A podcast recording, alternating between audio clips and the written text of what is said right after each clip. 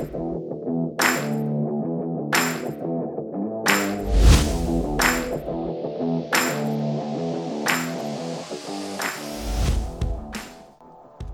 dobry, ja się nazywam Waldek Mazur, a to jest Radio Proza, podcast Wrocławskiego Domu Literatury.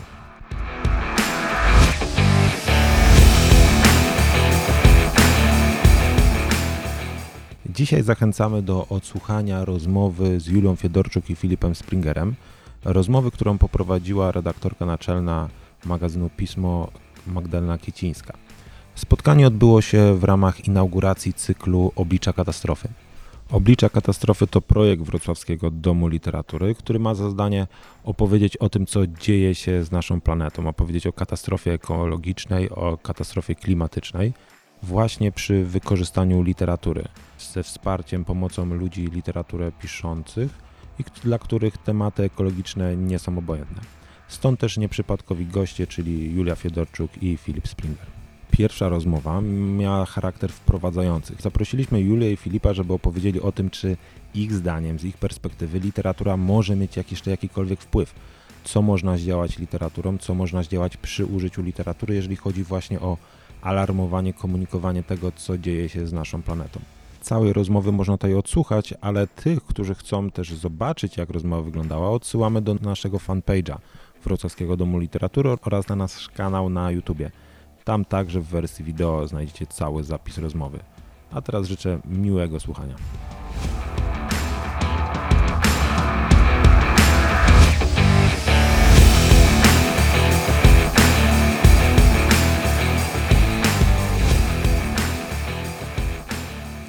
Dobry, dobry wieczór.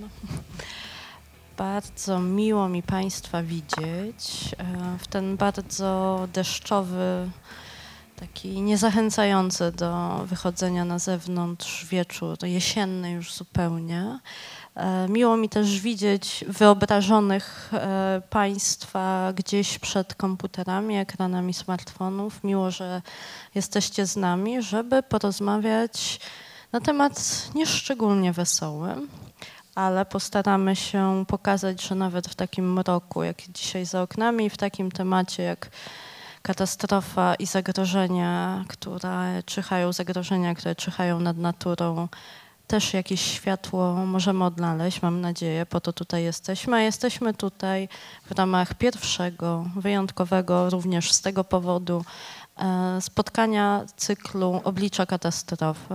Ja mam na imię Magdalena Kicińska, jestem redaktorką naczelną pisma, miesięcznika opinii, który również miło mu być bardzo partnerem Wrocławskiego Domu Literatury i też partnerem, em, em, mecenasem, partnerką, może tak, mecenaską tego typu rozmów. E, Tego typu to znaczy rozmów, które mają na celu zadanie pytań o ważne zjawiska dotyczące rzeczywistości i to takich pytań, na których odpowiedzi są złożone, których się nie da udzielić tak, żeby się zmieścić w krótki, zwłaszcza clickbaitowy e, tytuł, nagłówek. Będziemy się starali znaleźć odpowiedzi a może też damy sobie prawo, czego się od niedawna uczę od jednego z gości, których już za chwilę przedstawię, żeby sobie czasami też dać prawo do tego, żeby nie mieć odpowiedzi, nie mieć jednoznacznej, czarno-białej,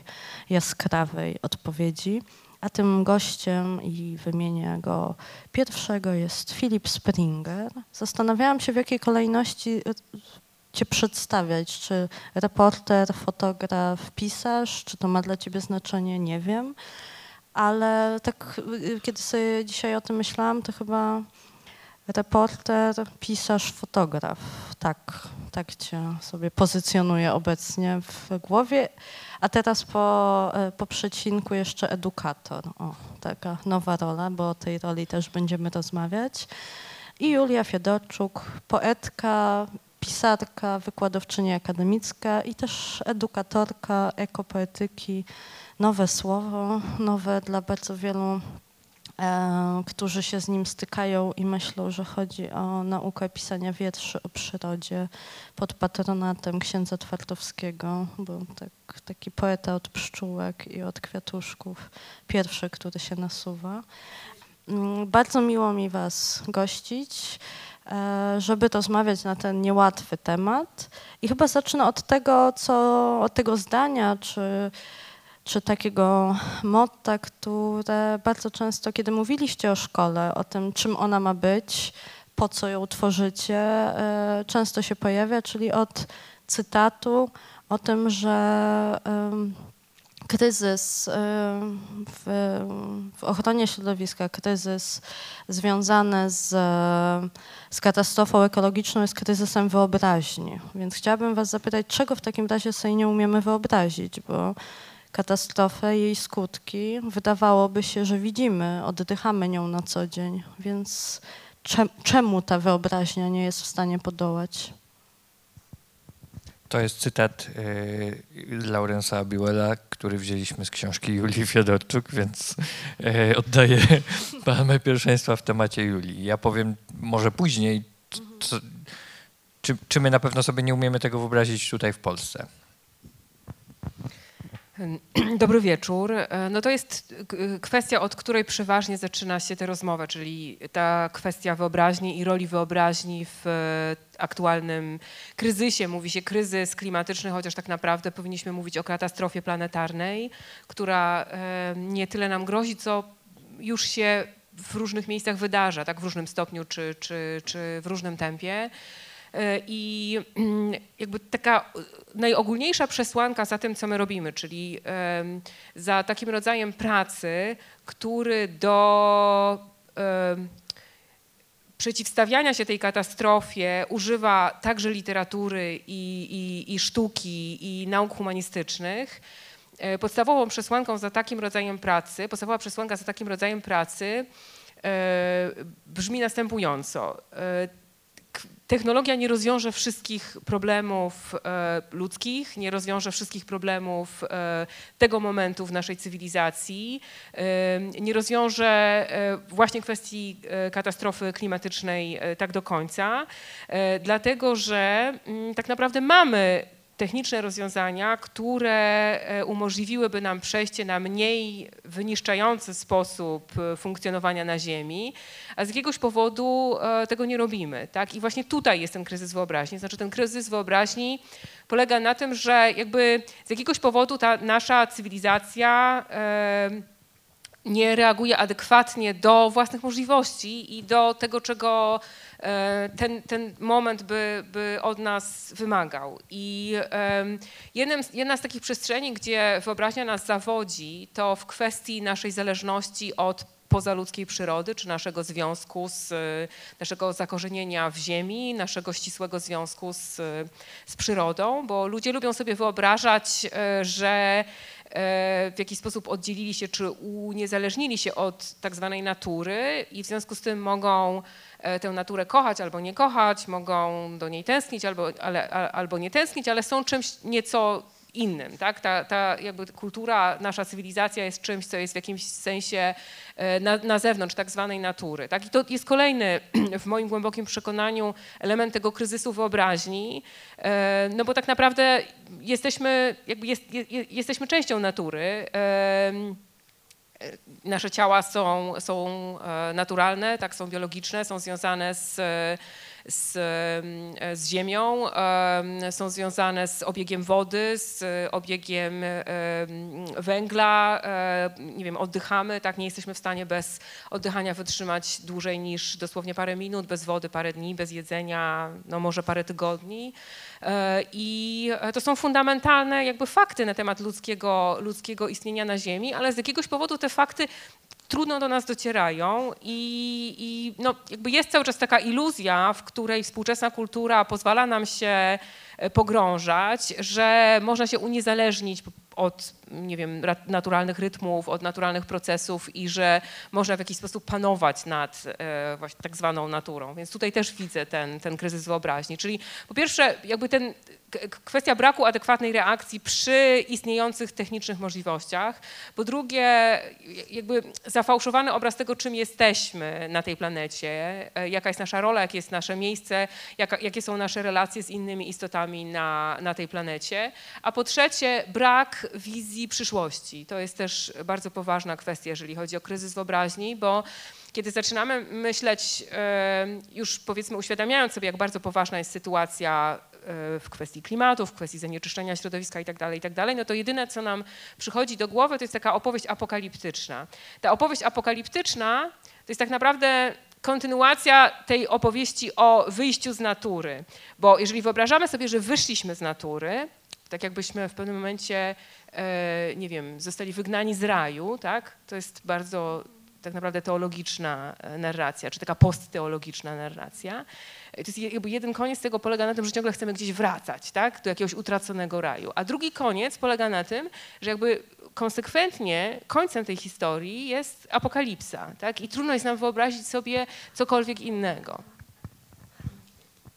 E, Ja tylko dodam, że mm, oczywiście zgadzam się z wszystkim, e, co Julia e, mówi, ale e, dla mnie to zdanie jest też ważne, dlatego później oczywiście dojdziemy pewnie do tego momentu, w którym będzie można opowiedzieć o, o tym, czy, czy to do nas nie dociera tutaj, w tym miejscu, w którym jesteśmy. Natomiast, że mm, dla mnie to zdanie jest też ważne, dlatego że ono mi dało pewne poczucie jakiegoś rodzaju ulgi, jakkolwiek by to źle nie brzmiało. To znaczy, no ja, my wszyscy tutaj we troje, jak siedzimy, e, zajmujemy się opowiadaniem i wyobrażaniem sobie różnych rzeczy. I jak usłyszałem, czy przeczytałem to zdanie po raz pierwszy i, jakby wczytałem się też, co za nim stoi, czyli to wszystko, o czym Julia opowiadała, to sobie pomyślałem, że w obrębie tego, na czym ja się najlepiej znam w życiu e, i właściwie jednego, na czym ja się znam, jest jakaś ogromna robota do zrobienia i że to jest bardzo z jednej strony ponure, że jest ta robota do zrobienia, ale że tutaj po raz pierwszy właściwie w całym moim życiu pisarskim jest, mam takie poczucie, że tutaj jest naprawdę coś bardzo fundamentalnie ważnego do zrobienia i że bez tego nie ruszymy dalej. I że to naprawdę jest tak, że to jest pierwsza linia frontu, bo jak my sobie nie wyobrazimy i nie, opowiemy, nie opowiemy tego w przekonujący sposób, a od tego jest literatura, no to nie pójdziemy dalej. No nie, no nie da się. No jak się nie wypowie pewnych idei, pewnych myśli, pewni, pewnych wizji i scenariuszy, no to się ich potem nie zrobi, bo nie będzie co robić, bo wszystko jest w języku. Więc w tym sensie to jest fundamentalne zdanie dla całej takiej działalności, którą my podejmujemy razem, robiąc szkołę ekopoetyki, czy podejmujemy osobną. No tak, ale y, kiedy sobie dzisiaj, wczoraj myślałam o tym, ciekawe jaki był moment, w którym Julia Fiedorczuk i Filip Springer mie, mieli taką chwilę jak pomysłowy Dobromir, kiedy ta piłeczka im tak się już finalnie odbiła i tak już wiemy, o to jest temat, który, w którym mam, obszar, w którym mam szczególną odpowiedzialność to się złapałam na tym, że przecież no, ty od debiutu tym się zajmujesz. Może mniej świadomie pod tym paradygmatem, no ale książka o miedziance była książką o no właśnie o fiasku, czy ślepym zaułku myślenia, że człowiek panuje nad naturą, jakby, że jest z niej wyjęty i że skutki jego działalności prędzej czy później go nie dopadną, bo albo się pod nim ziemia zapadnie i w tej otchłani e, zawrze to, co ten człowiek na jej kawałku zbudował, stworzył i myślał, że będzie wieczne, albo go dopadnie tak, bo go zacznie dusić powietrzem, którym się za chwilę, no bo sezon grzewczy nas przywita, nie będzie dał oddychać. Co, ja tą e, taką ekokrytyczną e, interpretację Miedzianki to odkryłem tak rok temu mniej więcej. To znaczy, rzeczywiście tak jest, że to jest książka o tym, jak ślepe podążanie za e, surowcem sprawiło, że zniknęło całe miasto i można ją sobie czytać uniwersalnie.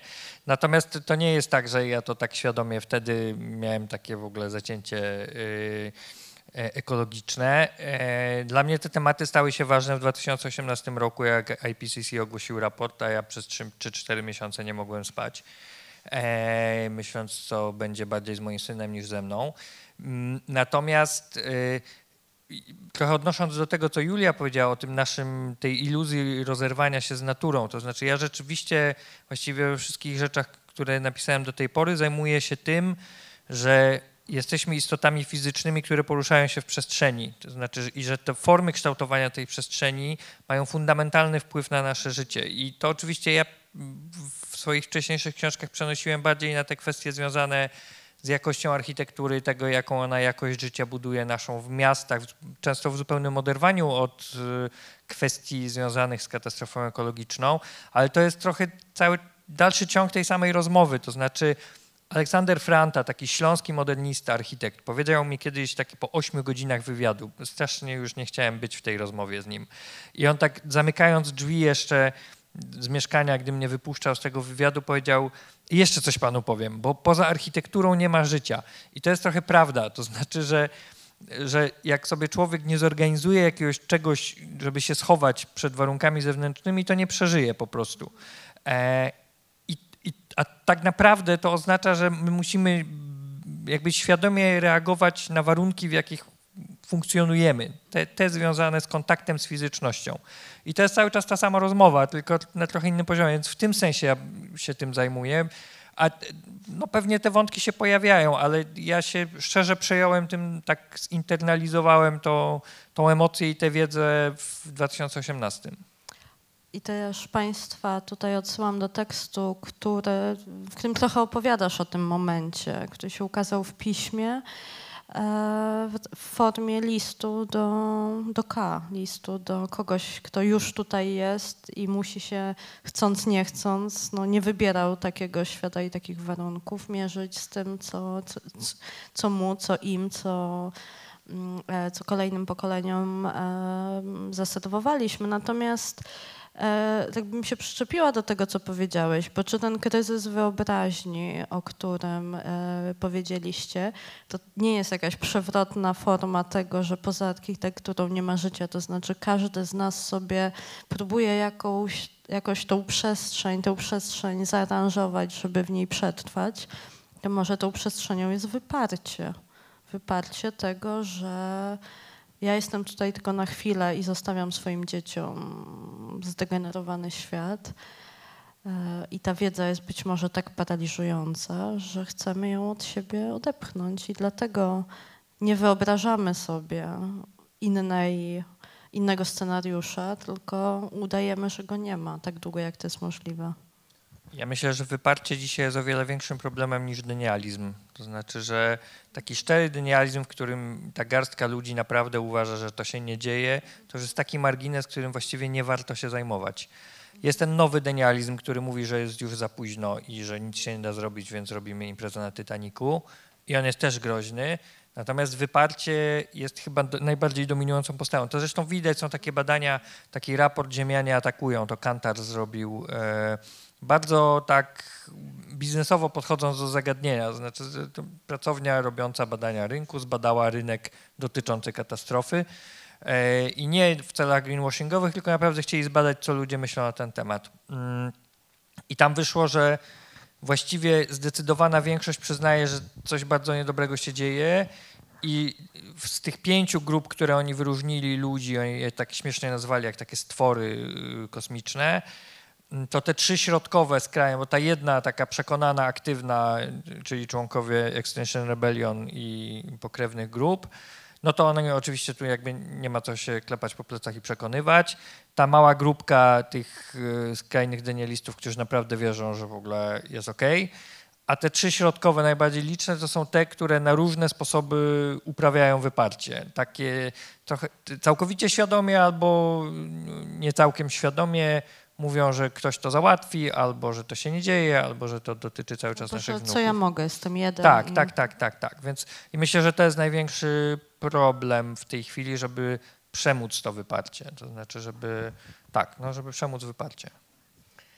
To ja tylko jeszcze dodam, że, że jakby rozmiary tego i powszechność tego, tego wyparcia e, ma też związek z tym, że właśnie brakuje takich opowieści, które pozwol, pozwalałyby nam w różnych sytuacjach odnajdywać własną sprawczość, tak?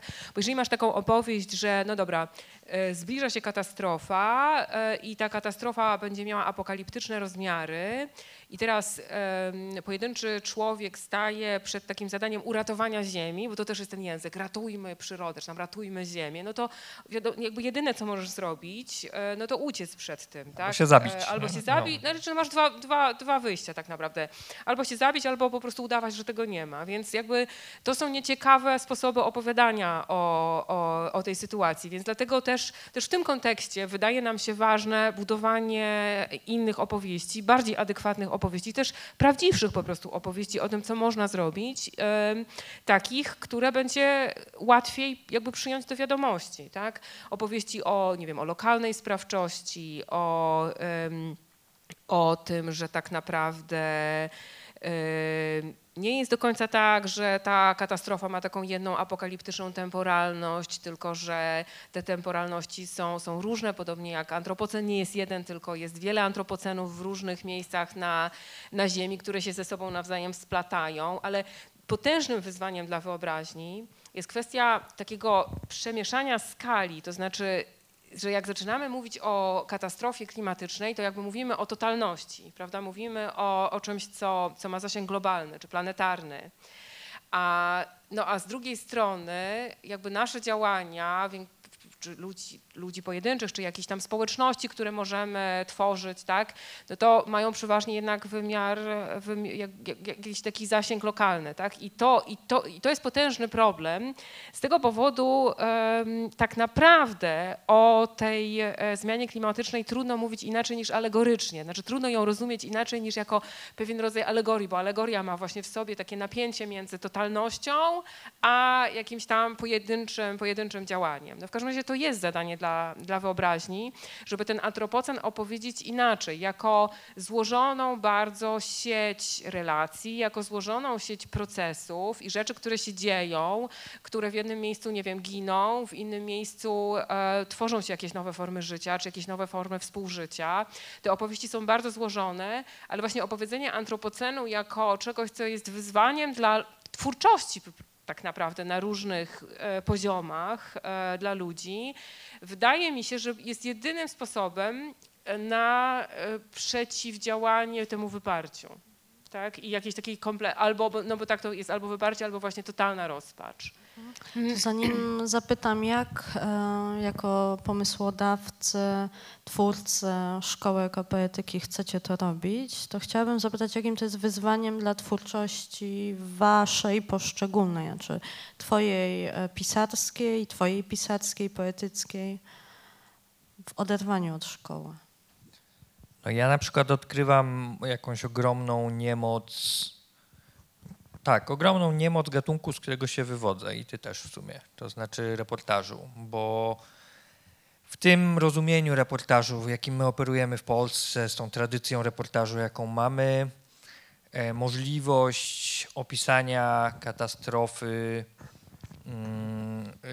klimatycznej wydaje się być ograniczona, co nie znaczy, że nie warto próbować. E, Dlaczego ograniczona? Znaczy, Dlatego ograniczona, że jeżeli mówimy o reportażu jako gatunku bazującym na indywidualnej historii, jakby ilustrującej pewien szerszy temat i gatunku, którego siłą jest e, przywiązanie do detalu i do szczegółu, to hiperobiektowość katastrofy klimatycznej sprawia, że oba te dogmaty się trochę grzęzną i rozsypują w obliczu tego, bo nawet najbardziej przekonani do katastrofy klimatycznej wiem, klimatolodzy, jak rozmawiasz, i tego doświadczałem pracując nad cyklem dla pisma, rozmawiasz z nimi, no mamy taki huragan pod Rudami Raciborskimi, o tym jest jeden z odcinków tego cyklu, przeszedł, zmiótł kawał lasu, e, wcześniej był tam wielki pożar, wcześniej była tam ogromna susza, dwie powodzie, czyli wszystkie, cały pakiet zjawisk, o których wiemy, że one będą jakby narastały w związku z katastrofą klimatyczną na naszym terenie. Idziesz do takiego badacza czy badaczki i mówisz, że robisz coś takiego, a on mówi, no, no tak, ale w sumie to nie można tak powiedzieć, że ta konkretna trąba to było związane z katastrofą i że te powodzie, że nawet to, że powódź stuletnia wystąpiła zaraz po tysiącletniej, czy tam na odwrót, to też tak, bo to się wcześniej zdarzało, więc to tak nie można, że jak zaczynasz to próbować mm, osadzić w tym kontekście, to to się trochę wymyka i od razu się odsłaniają takie przestrzenie, które pozwalają podważyć tą główną podstawę, nie? że i, i trzeba używać na przykład, i to robiliśmy w cyklu, takiego sformułowania, że zjawisk takich jak to będzie więcej, no nie? Ale to już nie jest to samo, co powiedzieć katastrofa klimatyczna uderzyła tu, a na tym bazuje trochę reportaż. I to jest pierwszy problem. A drugi to taki, że ta indywidualna historia znowu nijak się ma do całości zjawisk, bo ona może nie być nawet w jednym, jakby w, tej, w tym jednym kawałku tak, yy, tak nośna. I to są oczywiście różne sposoby wyjścia z tego. No, jednym z nich, o czym pisze Ewa Bińczyk y, w Epoce Człowieka, analizując różne rodzaje dyskursy na temat opowiadające o katastrofie, ale też te negujące katastrofą, to ona wskazuje, że właściwie do tej pory z tych form dokumentalnych najbardziej e, skuteczną były wszystkie formy travelogów. Jak analizujesz filmy, które opowiadają o katastrofie, to jest zawsze podróż z miejsca na miejsce, w których odsłaniają się kolejne jakby epizody związane z katastrofą. I jakby taka metoda jest mojej pracy reporterskiej nad tym, że ja podróżuję przez różne miejsca, które pokazują i w całości pokazują. No ale tutaj znowu się objawia to, z czego ten nasz gatunek się wywodzi, czyli prasa. To znaczy bez możliwości opowiedzenia tego w dużym cyklu, właściwie nie ma możliwości, czy ja nie widzę, żeby to opowiedzieć sensownie, co też odsłania taką prawdę, z którą, nad którą my z Julią często sobie szepczemy w czasie szkoły, że jakoś się objawia straszna zbędność mediów w tym obecnym formacie mainstreamowym do opowiadania tej katastrofy. To znaczy, że one są bezużyteczne, to znaczy, że rzeczy, o których my rozmawiamy często w szkole, w szkole mówiąc w jaki sposób trzeba akcentować pewne kwestie, artykułować je, jak je rozwijać, to jak to zderzamy z, jakby z walcem, nawet nie z nagłówkami, nie, ale jakby z całą filozofią działania gazety, nawet ambitnej gazety codziennej czy tygodnika, to się rozsypuje. Znaczy to w ogóle tego nie ma. Znaczy to, to, to tak rozjeżdżające drogi, co oznacza, że albo my źle myślimy, albo trzeba jakoś przemyśleć media. No nie? Jakby obie drogi dopuszczam. Czy media na pewno trzeba przemyśleć. E, więc to jest na przykład wyzwanie, że, że ja widzę, że ja ostatnio rozmawiałem ze uznanym i takim nobliwym reporterem którego zapytałem, czy na pewno gatunek, którym się wszyscy posługujemy, nie zmieniając się od lat 90., właściwie kiedy święcił największe triumfy już w wolnej Polsce, rob, znaczy, czy to jest dobry kierunek w świecie, który się całkowicie zmienił? On powiedział, że tak, że to w ogóle świat się zmienił, narzędzia, którymi operujemy do jego opowiadania się nie zmieniły, jest ok. Myślę sobie, że to jest coś bardzo niebezpiecznego. To w takim razie y, fikcja lepiej odpowiada na to wyzwanie? Wiesz co, no, jak mnie dzisiaj pytasz o to, to yy, możliwość yy, użycia narzędzi służących do budowania fikcji dla mnie dzisiaj jest yy, czymś otwierającym w takim pisarstwie związanym z wielką opowieścią, na przykład z książką. E, natomiast cały czas zawieram pewien kontrakt i z tobą, i z czytelnikiem, decydując się na publikowanie czegoś pod, w dziale reportaż. Jakby się tego trzymam i cały czas wierzę, że jakby tu jest pole do szukania jeszcze, że to nie jest tak, że, że wiesz, że, że możemy szukać na przykład, za, że cały czas w obrębie tej formy dokumentalnej można zadawać pytania niemożliwe. Nie? I to jakby teraz będziemy to robić w drugim cyklu pisma. Zastanawiamy się, czy na przykład jest na pewno czy można zrobić reportaż o czymś niemożliwym? Na przykład, wiesz, bierzemy pofabryczny teren i pytamy w tym reportażu, a czemu tutaj człowiek zamiast budować kolejne bloki nie powiedział dziękuję, użyłem, wycofuję się. No nie? I jakby można zrobić o tym reportaż. Znaczy, będę go nie wiem, czy można, bo to będę go robił okaże, dopiero. to się okaże, ale jakby cały czas tu jest coś do zbadania. E, ale też widzę, że zamykanie się w gatunku nie służy y, odpowiedzi na te pytania, które my sobie stawiamy w szkole.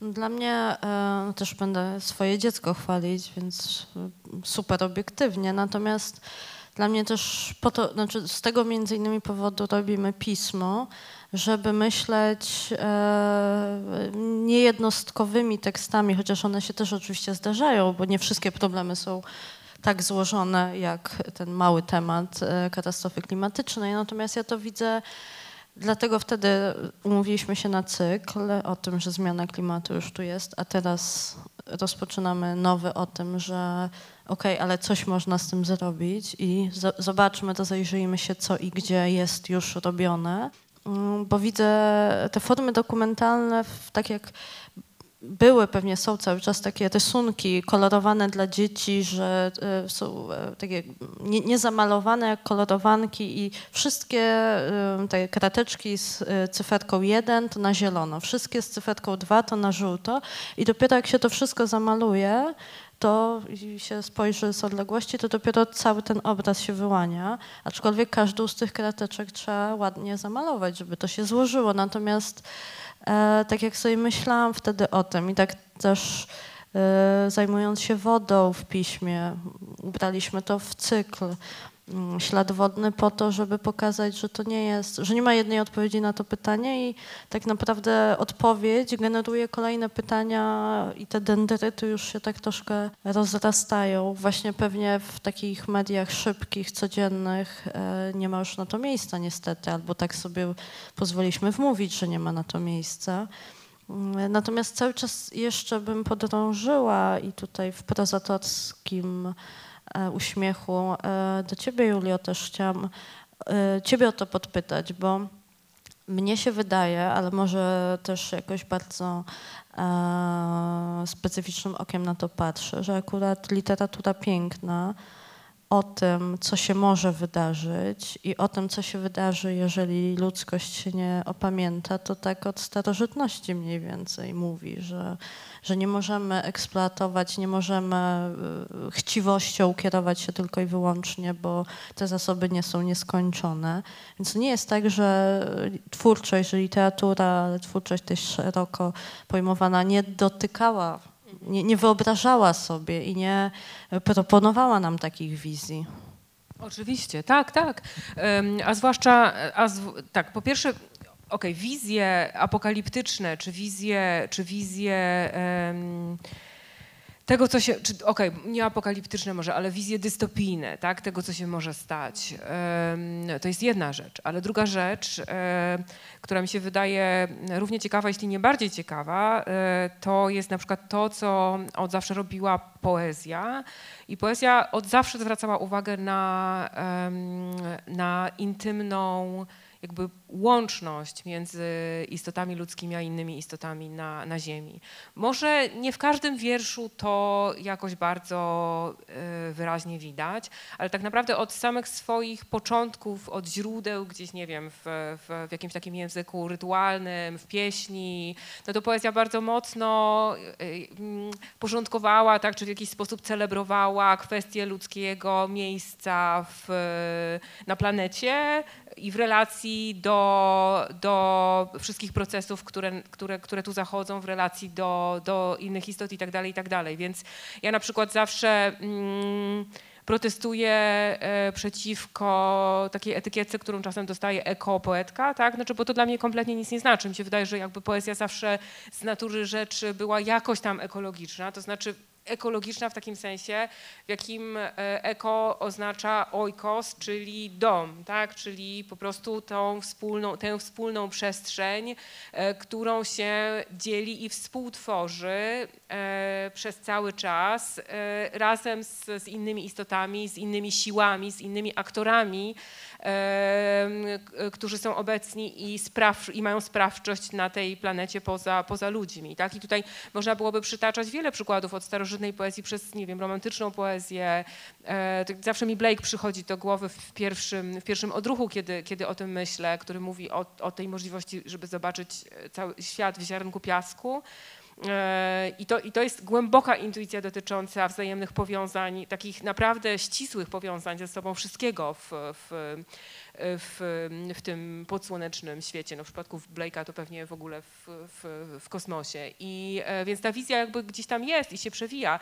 Pomimo to ta nasza sytuacja aktualna, kiedy dzika przyroda tak drastycznie się kurczy, i kiedy te systemy podtrzymujące życie na Ziemi są w niebezpieczeństwie, to zmienia bardzo dużo, jeżeli chodzi o warunki tworzenia i fikcji literackiej, i poezji, moim zdaniem. I teraz mo, moja strategia, mm, nie jest, ja nie piszę wprost o katastrofie klimatycznej, tak? czy ja nie piszę wprost e, em, tem, tematycznie o przyrodzie, e, natomiast mnie ciekawi jakby reagowa- reagowanie w ogóle w każdej formie, którą, e, z którą eksperymentuję, reagowanie na tę nową sytuację. Jakby, bo moim zdaniem to zmienia wszystko, że zacytuję Naomi Klein, jeśli chodzi o możliwości ekspresji. Tak? Mam taki prosty przykład na to. Jeżeli poezja romantyczna na przykład posługiwała się pejzażem e, w pewien określony sposób, to poezja antropocenu nie może robić tego w taki sam sposób, bo nie możesz morza przywołać w taki sam sposób. Znaczy morze nie znaczy, czy ocean nie znaczy dla nas tego samego, co znaczył dla XIX-wiecznego poety czy poetki, dla których mógł być po prostu synekdochą siły pierwotnej i tak dalej, i tak dalej. No dla nas jakby nie da się pisać o oceanie, nie, nie, myśląc, bo trzeba byłoby wyprzeć fakt, że e, plastik, e, że niedługo będzie więcej plastiku niż, e, niż śmieci plastikowych niż ryb w, w, w, oceanach, tak? Więc pisanie w taki sposób, który nie uwzględnia tej zmiany, byłoby kompletnie fałszywe, a literatura nie może być fałszywa, że nie może kłamać w taki sposób, więc to, to, to, to, jest, taki, to jest taki jeden przykład. I, I już zupełnie konkretnie, jeśli chodzi o moje poszukiwania aktualne, to one się zarówno w prozie, jak i w poezji jakby skłaniają w takim kierunku, który odchodzi od liryki i odchodzi od takiej narracji, która kieruje światło na na narratora czy narratorkę, a, a w poezji właśnie y, y, dalej od liryki, która, która y, no jakby dominująca tradycja poetycka zachodnia, to jest tradycja liryczna, która stawia w centrum właśnie ten podmiot liryczny i jej lub jego ekspresję, tak?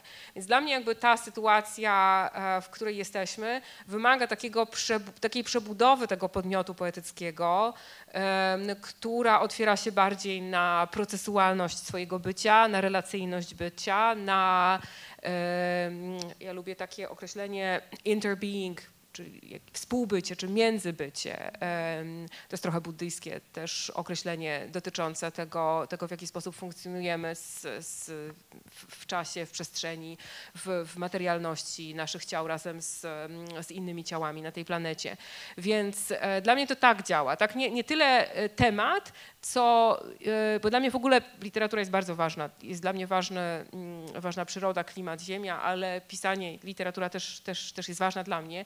I dla mnie, e, ja tak rozumiem też to wyzwanie e, dla wyobraźni, jako taką chęć eksperymentowania właśnie z formą literacką, która, która po prostu zrewolu, zrewolucjonizowałaby literaturę w ogóle jako instytucję, tak? Czyli nie na poziomie tematu, a na poziomie w ogóle tego, co robimy, kiedy piszemy.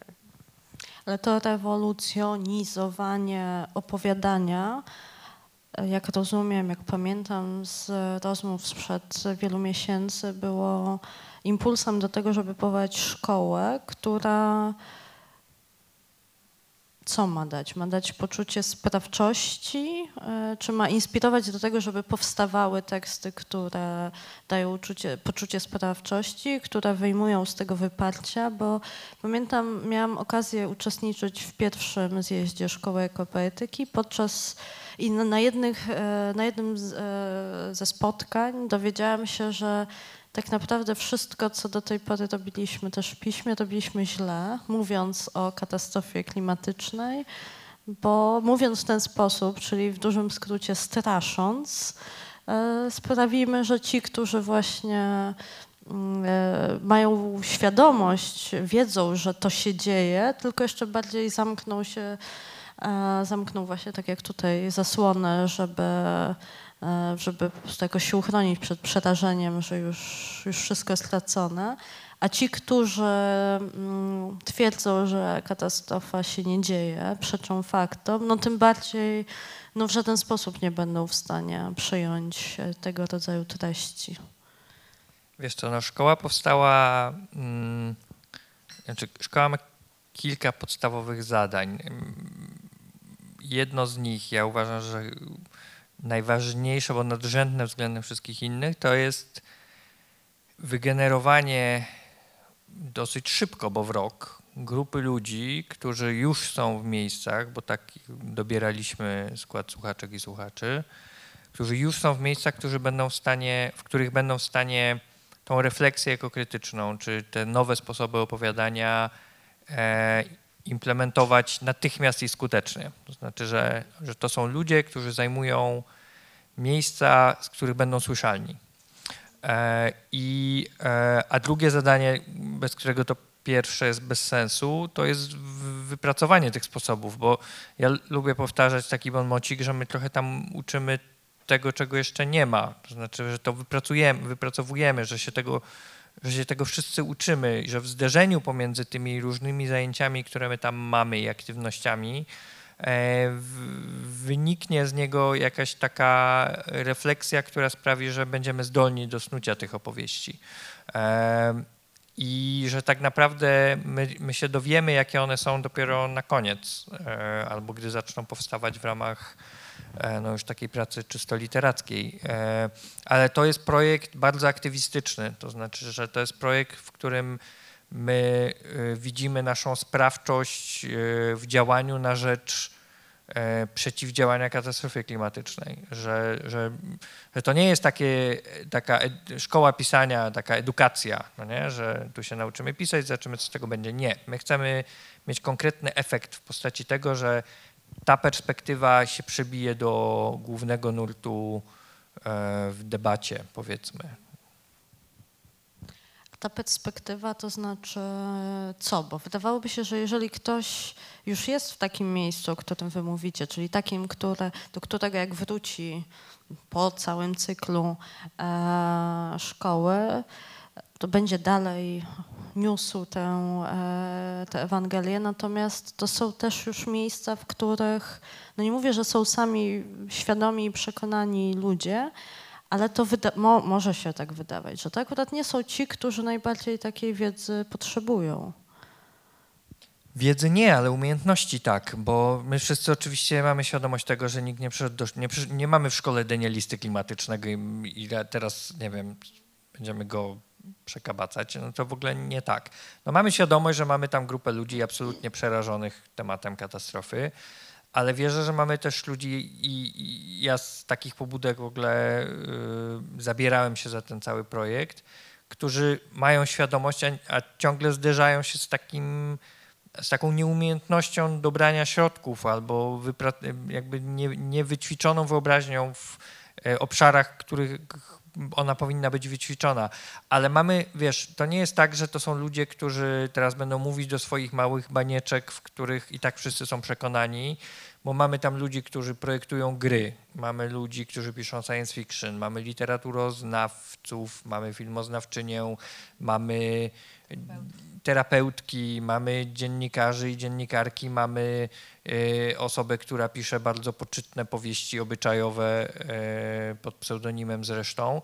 E, w związku z czym mm, no, na tyle, na ile w 23 osobach możemy mieć szerokie spektrum, to staraliśmy się je mieć. Tak, raczej chodziło mi o to, że o to, o czym mówiłeś wcześniej, czyli że wyposażycie ich y, w wiedzę, tylko oni nie będą mieli agent, żeby tę wiedzę dalej nieść, no bo media, nie wiem, prasa jest taka, jaka jest i właśnie nie stawia ani na cykliczność, ani nie, no nie daje platformy, żeby, żeby złożoność problemu przedstawić. No ale w, w ten sposób odpowiedziałeś na moje pytanie, że te drogi są bardzo, bardzo Ale różne. wiesz, to, to jest też tak, że my te agendy też możemy wymyślić przy okazji wymyślania tych sposobów, no nie? Bo nie wiem, no, tysiąc rzeczy widzę możliwych do zrobienia w tym temacie, niekoniecznie korzystając e, z zaśnieziałych redakcji, e, które ma, jakby ma, są dostępne i mogą być przychylne takiej tematyce, bo ja niewiele się już po nich spodziewam, w związku z czym myślę, że e, tak samo jak staramy się wypracowywać sposoby opowiadania, tą, no, jakby ćwiczyć tą wyobraźnię, obalać w sobie pewne przekonania czy takie dogmaty, to tak samo to dotyczy wypracowywania sposobów czy miejsc opowiadania. Przy całej sieci jakby instytucjonalnej wręcz też, w której gdzieś tam ostatecznie e, te, te, te opowieści żyją. E, Ale ja też myślę sobie o tym, że dwie, dwie rzeczy tylko chciałam dodać do tego, co Filip powiedział. Pierwsza to jest taka, że, mm, że paradoksalnie jest też na pewno tak, że e, pewnych rzeczy musimy się oduczyć.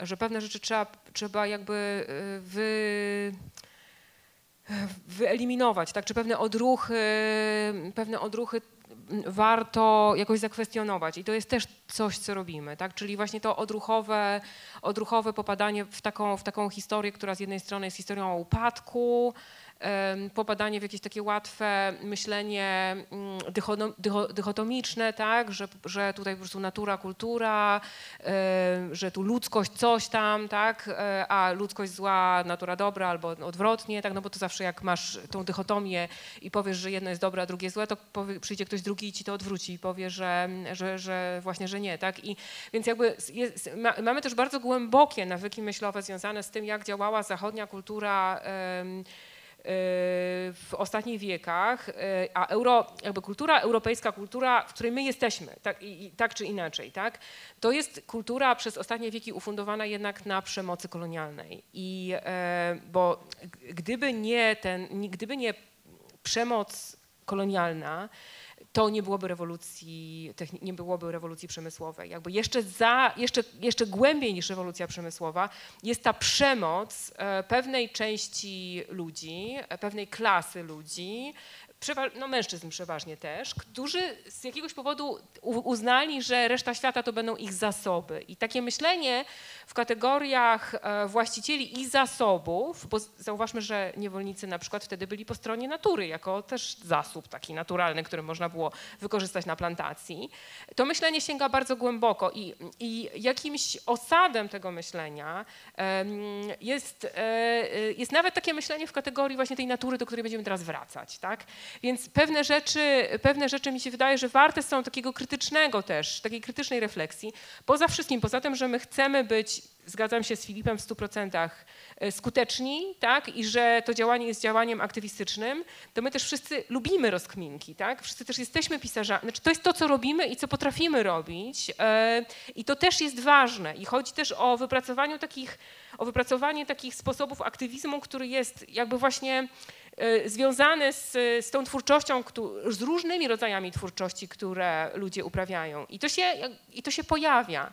I teraz, jak mówiłam wcześniej, że, że ta katastrofa planetarna zmienia wszystko, no to na przykład co ona zmienia, jeśli chodzi o, o to, w jaki sposób piszesz e, poczytną powieść obyczajową, tak? Niekoniecznie musisz teraz nagle napisać powieść o katastrofie, ale jak będziesz pisała o miłości, tak?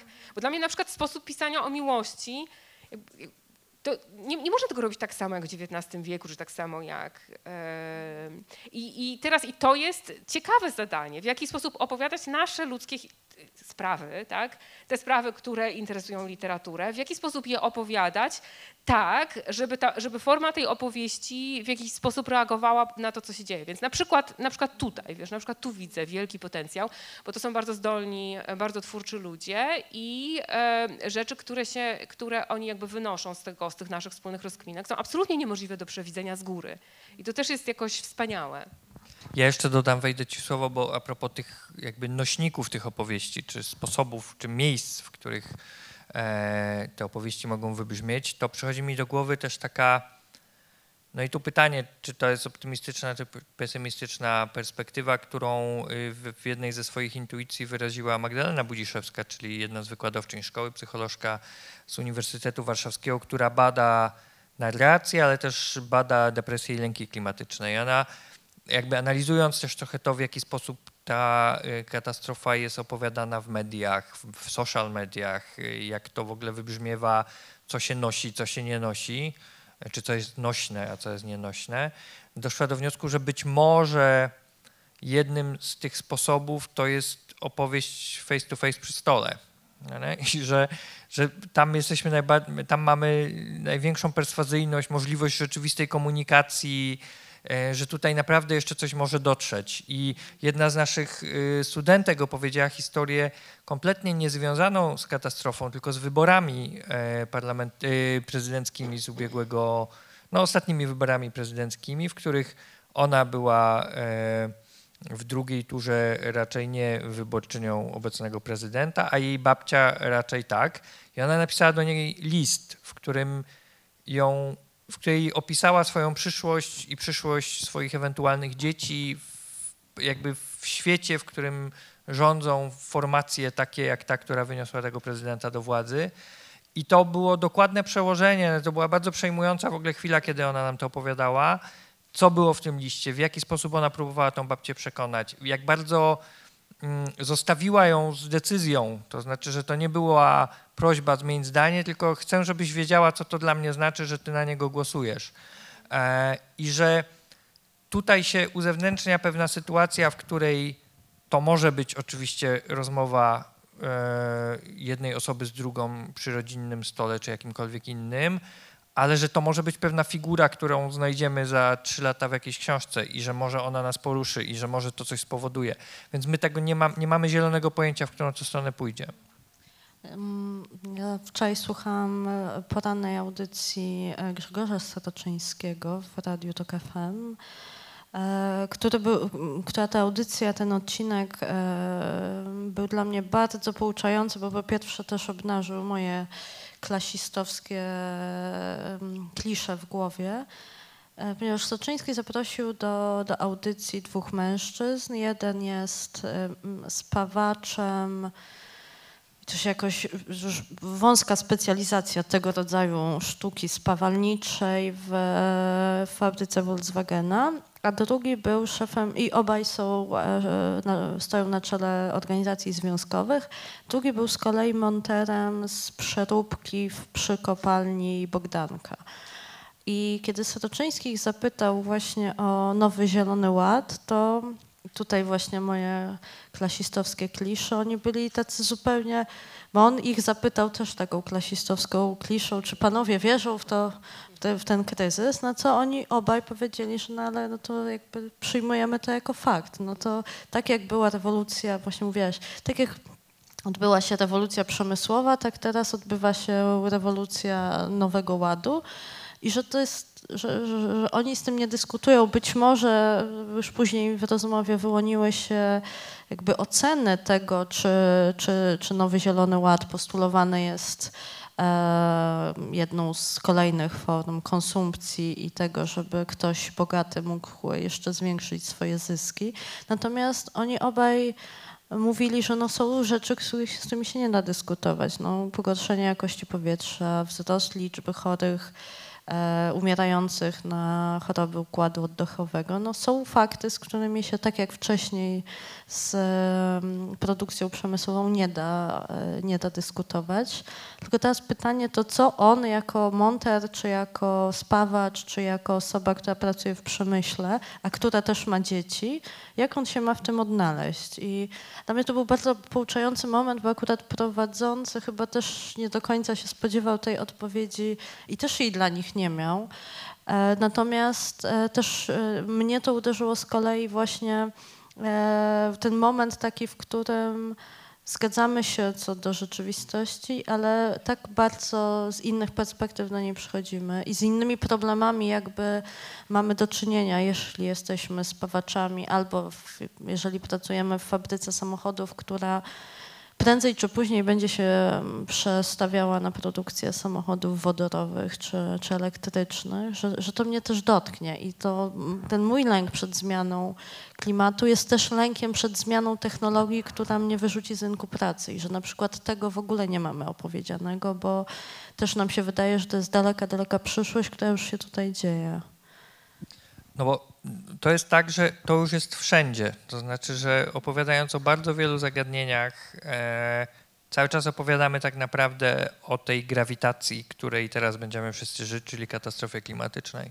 I właściwie któregokolwiek tematu się nie podejmiemy, to on będzie już tego dotyczył. I myślę, że prędzej. I ja mam takie wrażenie też z.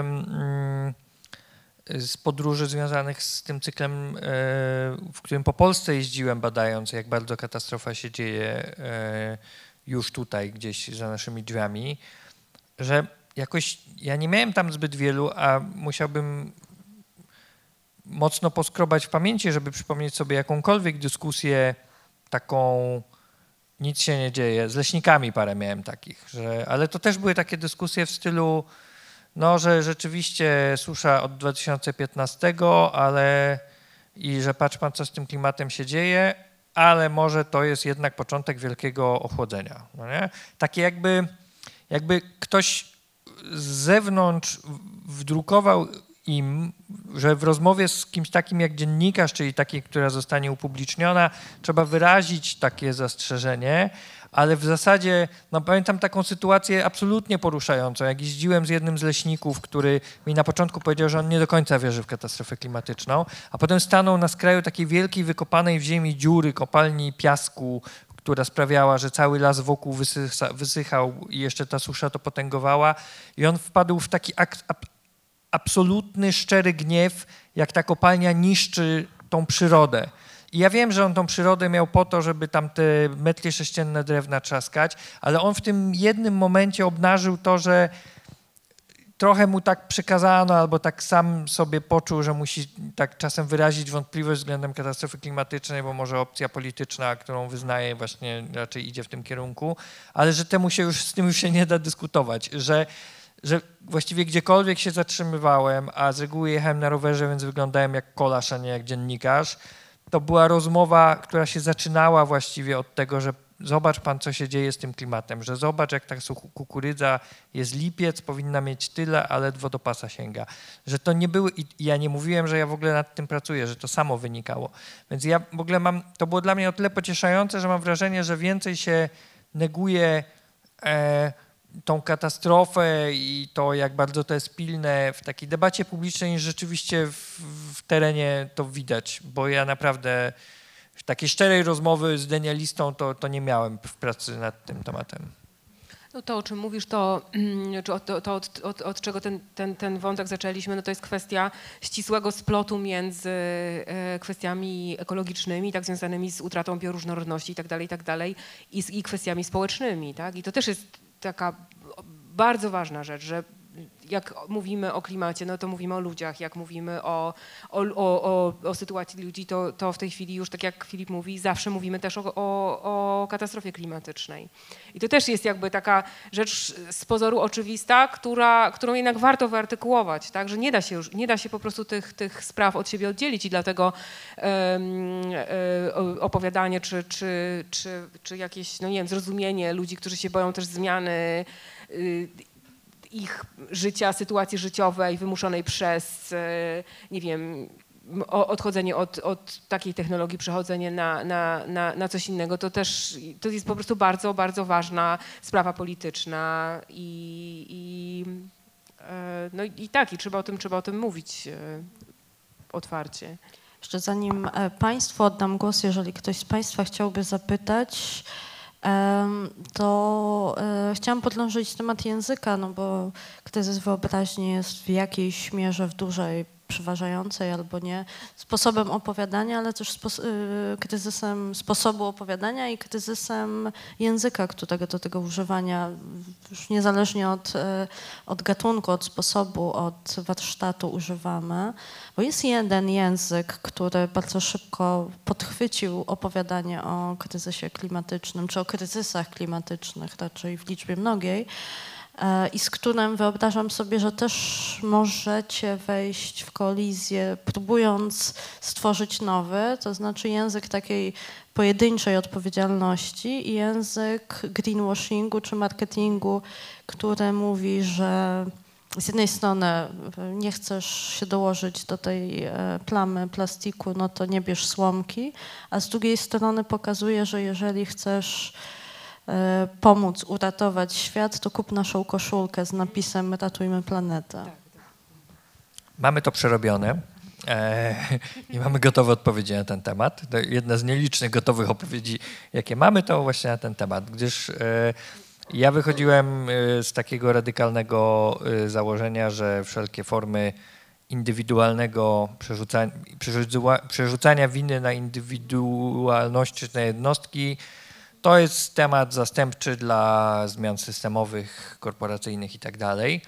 Mm, I e, i Julia mnie wyprowadziła trochę z tego błędu, gdyż użyła argumentu, który nie znosi żadnego sprzeciwu, że każda słomka i każda foliówka mniej to jest mniej o, o jednego żółwia, e, e, o jedną śmierć żółwia mniej. I ja to kupuję. Natomiast e, mm, to, to jest dosyć proste. Znaczy, nie zabijam ludzi i nie kradnę nie dlatego, że mm, wierzę w to, że wszyscy inni, że nagle znikną morderstwa i klejrzeże na świecie, tylko traktuję to w kategoriach etycznych i takich samych te- kategoriach etycznych e, traktuję e, te wybory, które próbuje się nam narzucić jako jedyną drogę do e, jakby rozwiązania katastrofy klimatycznej, czy jako drogę zastępczą dla tego, co naprawdę po, powinno być zrobione. I to trochę zwalnia z dywagowania nad jakby sprawczością tego indywidualnego wyboru, bo tak jak, no tak, no, nie zabijając nie wierzę, że inni się nie będą zabijać, ale jednocześnie nie biorę w tym udziału. No i, to- i, i to jest jakby wystarczające i to trochę kończy jakąkolwiek, myślę, głębszą rozkminę na ten temat, bo to jest, w sumie jest proste. A greenwashing? E, No tak, to znaczy i jedno i drugie wiąże się, wiąże się e, z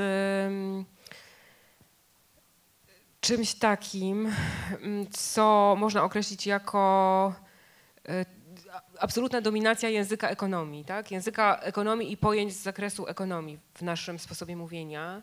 Mówi się o tym, że, mm, że ekonomia to jest taki metajęzyk e, późnego kapitalizmu. Czyli cokolwiek nie mówimy, to mówimy w kategoriach zysku, straty, ceny, kosztu i tak dalej, i tak. Po prostu wszystkie te metafory tak naprawdę, jak się temu przyjrzymy, to jest niesamowite. Myśmy w szkole przyglądali Zasób ludzki, się... mój Koszt ulubiony. środowiskowy. Zasoby, koszt środowiskowy. My w szkole przygotowa- przyglądaliśmy się też metaforom używanym przez dyskurs ekologiczny w tym kontekście. I też do ciekawych wniosków, wniosków dochodziliśmy. I e, wiadomo, że e, czasami posługujemy się tym językiem, bo go wszyscy rozumiemy i czasami trzeba szybko coś powiedzieć i, i, i nie ma innego wyjścia. Ale warto jest mieć tę świadomość i próbować budować inne języki, takie, które gdzieś roz, roz, rozsadzają e, te, em, tą, e, to panowanie ekonomii, tak, i tych ekonomicznych, i tych ekonomicznych metafor. Ja lubię myśleć w kategoriach na przykład, czy eksperymentować w kategoriach takich ewolucyjnych, takiego, takiego my- myślenia o, o, o życiu jako o czymś, co, co ewoluuje i o ewolucjach jako o procesach, które są naturokulturowe, e, złożone, relacyjne. E, I wtedy, kiedy myślimy o naszych działaniach, o tym, co robimy i o tym, co myślimy, i o tym, jak mówimy, to tak naprawdę e, e, jakby zaczynamy sobie zdawać sprawę z tego, że wszystko, co robimy, ma jakieś znaczenie. Wszystko, co robimy, na coś się przekłada, tak? No bo e, to, to, czym jesteśmy teraz, to jak działamy, w jakim stylu działamy teraz, b- będzie nas, jakby będzie prowadziło do tego, co będzie za chwilę, tak? Kim my będziemy za chwilę, kim będzie za chwilę nasze otoczenie, jaki rodzaj świata wykluje się z tego świata, który my tworzymy w tej chwili, bo jakby każdy taki moment, e, w którym jesteśmy, w którym jakoś wspólnie działamy, to jest moment wykluwania się jakiejś przyszłości, prawda? Nawet, nie, nawet małej przyszłości. Nawet na takiej zasadzie, wiesz, bardzo, bardzo prostej, że, że nie wiem, tworzysz e, e, miłą relację, dobrą relację z ludźmi i następnego dnia możesz z nimi coś wspólnie zrobić, tak? No wykluła się, wykluł się jakiś rodzaj sprawczości, wykluł się jakiś rodzaj małej przyszłości. E, I, I ja tak też widzę, e, taką widzę możliwość opowieści o, o tej naszej sprawczości. Takiego myślenia o, o wykluwaniu się tych małych przyszłości, lokalnych przyszłości, które składają się przecież na tą wielką przyszłość, o której w ogóle nie muszę myśleć. Nie muszę myśleć o tej apokalipsie. Tak? Mogę myśleć po prostu o tym, jaki świat, nie wiem, wy, wy, wy, tak jak nie wiem, kura siedzi na jajkach, tak lubię macierzyńskie Wysiedzisz. metafory, tak? Więc jaki świat wysiaduje w tych Umościsz swoich... sobie. Tak, wymoszczę. To Hansenowie tak, używali e, tego. No właśnie, ale wiesz, wsp- wspólnie. Jaki, jaki, świat, jaki świat się po prostu wykluje z tego, z tego, będzie się wykluwał z tego, z tego co robimy. Więc po prostu jeżeli wszyscy jesteśmy ze sobą e, połączeni, jeżeli wszystko ze sobą się nawzajem łączy, no to tak naprawdę każde nasze działanie y, jest, jest potencjalnie e, jakoś, jakoś znaczące. Z tym, że to dla mnie nie oznacza paraliżu, bo, bo to, to rzeczywiście to myślenie w, w, w takiego paraliżu w sensie winy, tak? To myślenie w kategorii poczucia winy e, jest totalnie, jest totalnie e, bez, bezproduktywne i ono rzeczywiście nie ma sensu. I tutaj ja zgadzam się z Filipem, że to jest ostatni jakby taki trik korporacjonizmu, e, żeby po prostu sparaliżować nas tym poczuciem winy. Więc z jednej strony ja mam duże poczucie sprawczości i jakby wagi tego, co robimy, jako żywe istoty na żywym świecie, tak, na żywej ziemi. E, To jest ważne dla mnie. W ogóle życie jest dla mnie, ważne jest dla mnie moje życie, życie innych istot i styl tego życia, ale z drugiej strony nie mam poczucia, że, że, że właśnie w związku z tym e, powinniśmy neurotycznie przez cały czas czuć się winni i, i Ale to jeszcze się odniosę do tego greenwashingu, bo trochę się nie odnieśliśmy. Ja uważam, że trzeba go obnażać tam, gdzie się da i trzeba go cynicznie wykorzystywać tam, gdzie się da. To znaczy, jeżeli ktoś chce wyprać swoje pieniądze, a ty wiesz, że z tych pieniędzy zrobisz coś, co w dalszej perspektywie mu zaszkodzi e, albo rozsadzi system, na którym on żyje, to trzeba z tych pieniędzy korzystać i to robić. E, jeszcze tego nie zrobiliśmy, ale jakby y, uważam, że trzeba cynicznie z tego korzystać, bo nie ma czasu na bawienie się w sentymenty. To możemy o tym długo podyskutować, y, ale y, jeżeli mamy przekonanie, mówi- mówimy też czysto teoretycznie oczywiście w tej chwili, e, ale jeżeli mamy przekonanie, że jesteśmy w stanie wykorzystać działanie, które nosi y, mm, znamiona greenwashingu, do tego, żeby w jakiś sposób rozsadzić kawałek rzeczywistości i zrobić coś, co do tego, czego jesteśmy absolutnie przekonani, że ma słuszność, to ja uważam, że jest przestrzeń tutaj do tego, żeby to robić. Czy ktoś z Państwa o coś chciałby zapytać? Ja będę głośno powtarzała, żeby też ci, którzy nas oglądają, usłyszeli pytanie. A ktoś może jednak się odważy. Bo jeśli nie, to ja Was na koniec chciałam zapytać o, chociaż już częściowo odpowiedzieliście mnie, mi na to pytanie, e, skąd Wy czerpiecie siłę i inspirację do tego, żeby tę sprawczość w sobie ochronić, bo ona jest też e, takim zasobem, który się zużywa i też który w zderzeniu z rzeczywistością bardzo często no, natyka się na taki mur, że właśnie ileż bym nie napisał, nie napisała, ileż bym osób nie chciał w rozmowie przy stole, czy listem, czy listem do kaw opublikowanym w piśmie przekonać do wysłuchania mojego stanowiska, no to później zderzamy się z taką, a nie inną górą e, i, i się odechciewa. No, wiesz co, no, ja oczywiście z codziennego patrzenia na mojego czterolatka i wyobrażania sobie, jak będzie wyglądało jego życie za 20 lat, to wydaje mi się, że mm, trudno o lepszą motywację. Natomiast y, też, żeby nie popadać w cierpiętnictwo, to to jest poza jakby całą mm, ponurą perspektywą, jaka się z tym tematem wiąże, to to jest ekstremalnie ciekawe. To znaczy wymyślanie tego, robienie tego, to jest twórcze wyzwanie. To jest wielka przygoda, która oznacza wymyślenie czegoś zupełnie od nowa w czymś tak ogromnym i wszechmocnym jak literatura. Więc ja tutaj nie, ja nie mam, ja mam raczej problem z tym, że mam pewną biegunkę pomysłów i, i ciągle wymyślam coś nowego i już brakuje czasu na to. E, ale ja jakoś nie, nie mam poczucia, że, y, mm, że muszę uzupełniać e, jakoś, nie wiem, ładować baterię. Ma, jak mam momenty i to jest taka wielka rzecz, e, którą mam też dzięki książkom Julii, e, jak mam momenty jakiegoś osłabienia, to y, ja się w ogóle dzięki y, zaangażowaniu w ten temat, odkryciu tego, co Julia pisze, w ogóle wróciłem do poezji i znalazłem w tym siłę do tego, żeby dzięki niej jakoś się stabilizować. I to jest takie dla mnie, ale to jest tylko na poziomie, myślę, emocjonalnym. To znaczy, że to zupełnie nie umiem mówić o czytaniu poezji, więc przemilczę to. E, Poezja mi bardzo dużo w tej chwili daje, a wcześniej w ogóle nie byłem w żadnym stopniu nią zainteresowany. Więc to, to jest takie coś, co mnie jakoś stabilizuje. Natomiast to jest ogromnie ciekawe działanie, to wszystko, co my próbujemy zrobić. Dla nas, nie wiem czy dla Państwa, ale dla, dla mnie to jest po prostu,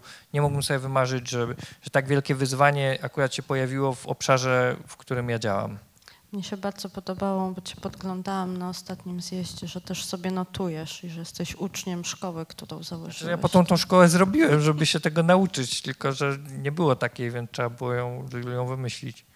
Więc ja ją tak wciągnąłem w tą robotę, ja sam na tym korzystam. A ciebie? Co ładuje, jeśli potrzebujesz tego ładowania? Wiesz co, po prostu... m, Miałeś powiedzieć, że książki Filipa, tak żeby wiesz się tutaj tak... Tak, oczywiście felietony Filipa i e, tak, e, ale nie, ale tak Wyślę ci później moje miałam, wiersze e, też. do- Wiersze Filipa. E, ale serio miałam zamiar powiedzieć, że po- na przykład to, że to, że, to, że wspólnie działamy, tak, i że to, że wspólnie to robimy, jest ogromną frajdą. Jest po prostu ogromną, ogromną frajdą. Ja mam z tego mnóstwo radości. Em, To, że pracujemy razem z Filipem, to, że pracujemy razem z e, naszymi mm, z- słuchaczami szkoły, którzy są, którzy są fantastycznymi ludźmi, więc tym jest po prostu mnóstwo radości. Ja w ogóle myślę, że byłabym pewnie mimo całej em, powagi sytuacji niezdolna do robienia rzeczy, których nie lubię robić. Tak? Więc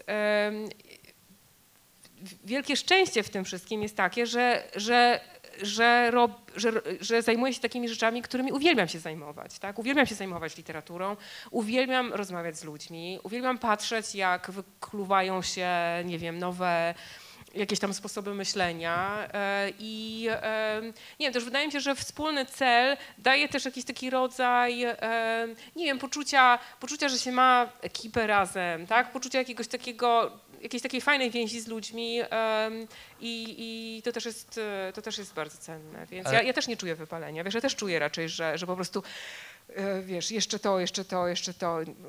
Nie, nie, nie tego, nie powtórzę twojej metafory tutaj, w, jeżeli chodzi na ten, o ten nadmiar.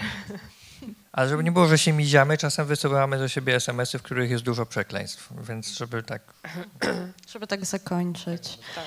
To ja Państwu w takim razie e, też polecam jako, jeżeli się pojawia może nie wypalenie, ale jakiś chwilowy kryzys, kryzys poczucia sprawczości, czytanie poezji i prozy Julii Fiedorczuk, czytanie prozy i non-fiction i poezji być może się odważy e, najpierw wysłać Julii, a później wysłać e, do pisma. Do pisma. Tak. Tak, e, wierszy niewyklutych jeszcze, ale może wysi- wysiadywanych jak, jak te jajka na, na grzędzie z Zeszyt metafory Julii. liceum cały czas, więc...